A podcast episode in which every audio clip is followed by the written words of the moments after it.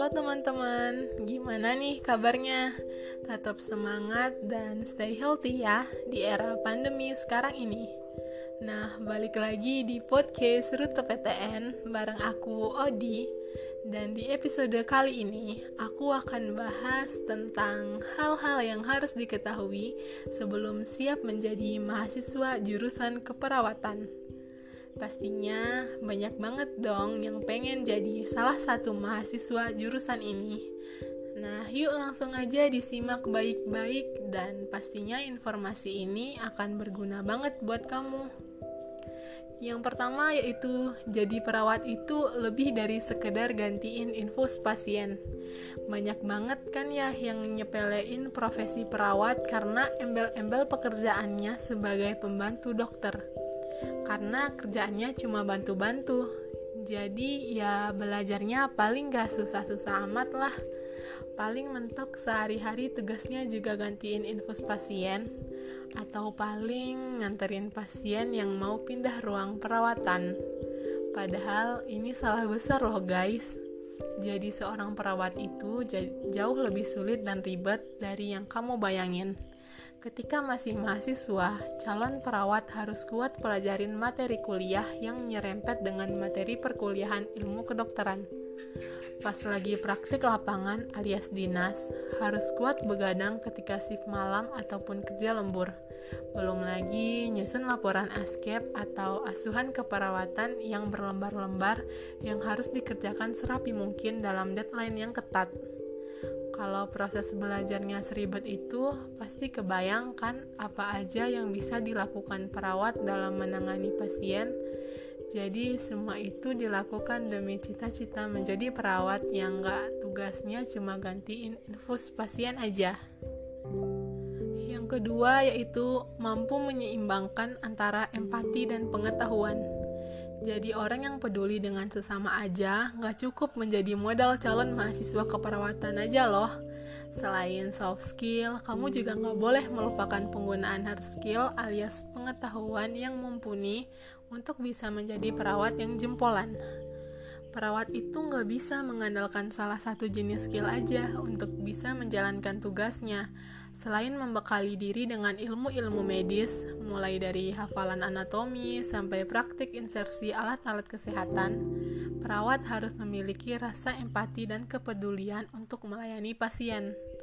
Bayangin kalau seorang perawat cuma menguasai salah satunya, bisa-bisa pasiennya nggak cepet pulih gara-gara salah penanganan atau nggak betah dirawat sama perawatnya. Duh, bahaya banget kan ya? Kalau kata Arya Nugroho, salah satu mahasiswa keperawatan Universitas Indonesia, di keperawatan itu gue belajar cara merawat diri sendiri, keluarga, dan orang lain, baik sehat maupun sakit, dan bagaimana cara bersikap dengan orang lain. Intinya, di keperawatan lo akan belajar menjadi orang yang lebih baik. Yang ketiga yaitu nggak bisa lepas dari kegiatan belajar kelompok.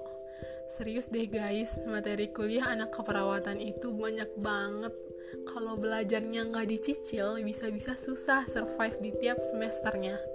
Nah, inilah yang bikin mahasiswa keperawatan identik dengan kegiatan belajar kelompoknya yang legendaris. Saking banyaknya materi yang harus dipelajari, para calon perawat sering membagi-bagi bahan ajar ke porsi yang lebih kecil untuk dipelajari satu persatu secara berkelompok agar waktu belajar lebih efektif. Yang keempat yaitu personal hygiene adalah prioritas utama. Siapa bilang cuma mahasiswa jurusan gaul seperti hukum dan ekonomi aja yang bisa tampil kinclong? Mahasiswa jurusan keperawatan juga penampilannya dikenal dengan kekecehan penampilan mereka loh. Nggak percaya? Mahasiswa keperawatan kudu pakai seragam berwarna putih yang bikin mereka nggak boleh asal makan atau ngemper. Kalau mau praktek, nggak boleh sekonyong-konyong masuk ruangan sebelum mensterilkan tangan atau peralatan. Ini nggak lebay kok, emangnya kamu mau ditangani sama perawatan yang urakan dan gak bisa menjaga kebersihan. Makanya, personal hygiene atau kebersihan diri harus menjadi prioritas utama kamu yang berminat mendalami ilmu keperawatan. Apalagi kamu harus sudah praktik di lapangan dan nanganin pasien dengan kondisi fisik yang beragam akibat penyakit yang diderita. Kalau kamu nggak bisa menjaga kebersihan dalam lingkungan kerja kamu yang steril, jangan harap deh kamu bisa lolos sertifikasi buat jadi perawat. Dan yang terakhir, jadi perawat itu nggak harus cewek. Ini nih yang mesti dimusnahkan dari pikiran masyarakat yang masih awam dengan dunia keperawatan. Ciri khas keperawatan berupa empati dan rasa peduli yang sering kali diasosiasikan dengan sifat bawaan perempuan, bikin jurusan satu ini dipandang lucu oleh jenis kelamin yang berlainan, apalagi jika sampai ada yang berminat untuk mendalaminya. Loh, emang selama ini cowok-cowok nggak boleh peduli dan punya rasa empati? Berdasarkan survei WHO di berbagai belahan dunia, perbandingan jumlah perawat berjenis kelamin laki-laki dengan perempuan memiliki gap yang sangat besar, yaitu 9 banding 1. Bahkan, di negara berpenduduk padat seperti Cina, jumlah perawat berjenis kelamin laki-laki hanya sekitar 100% dari populasi yang ada. Padahal hasil penelitian yang dilakukan di Amerika Serikat menunjukkan bahwa demand untuk perawat laki-laki semakin meningkat, terutama untuk diposisikan di instalasi gawat darurat atau IGD. Hal ini juga direspon positif bagi dunia medis dengan adanya representasi gender dalam ranah keperawatan. Terus, rate gaji perawat laki-laki ternyata juga lebih tinggi loh dari perawat perempuan.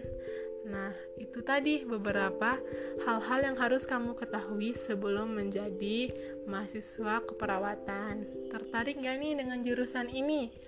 Semangat terus ya, semoga cita-cita kamu menjadi mahasiswa jurusan keperawatan segera tercapai. Terus berusaha, berdoa, dan jangan lupa minta restu orang tua. Semangat!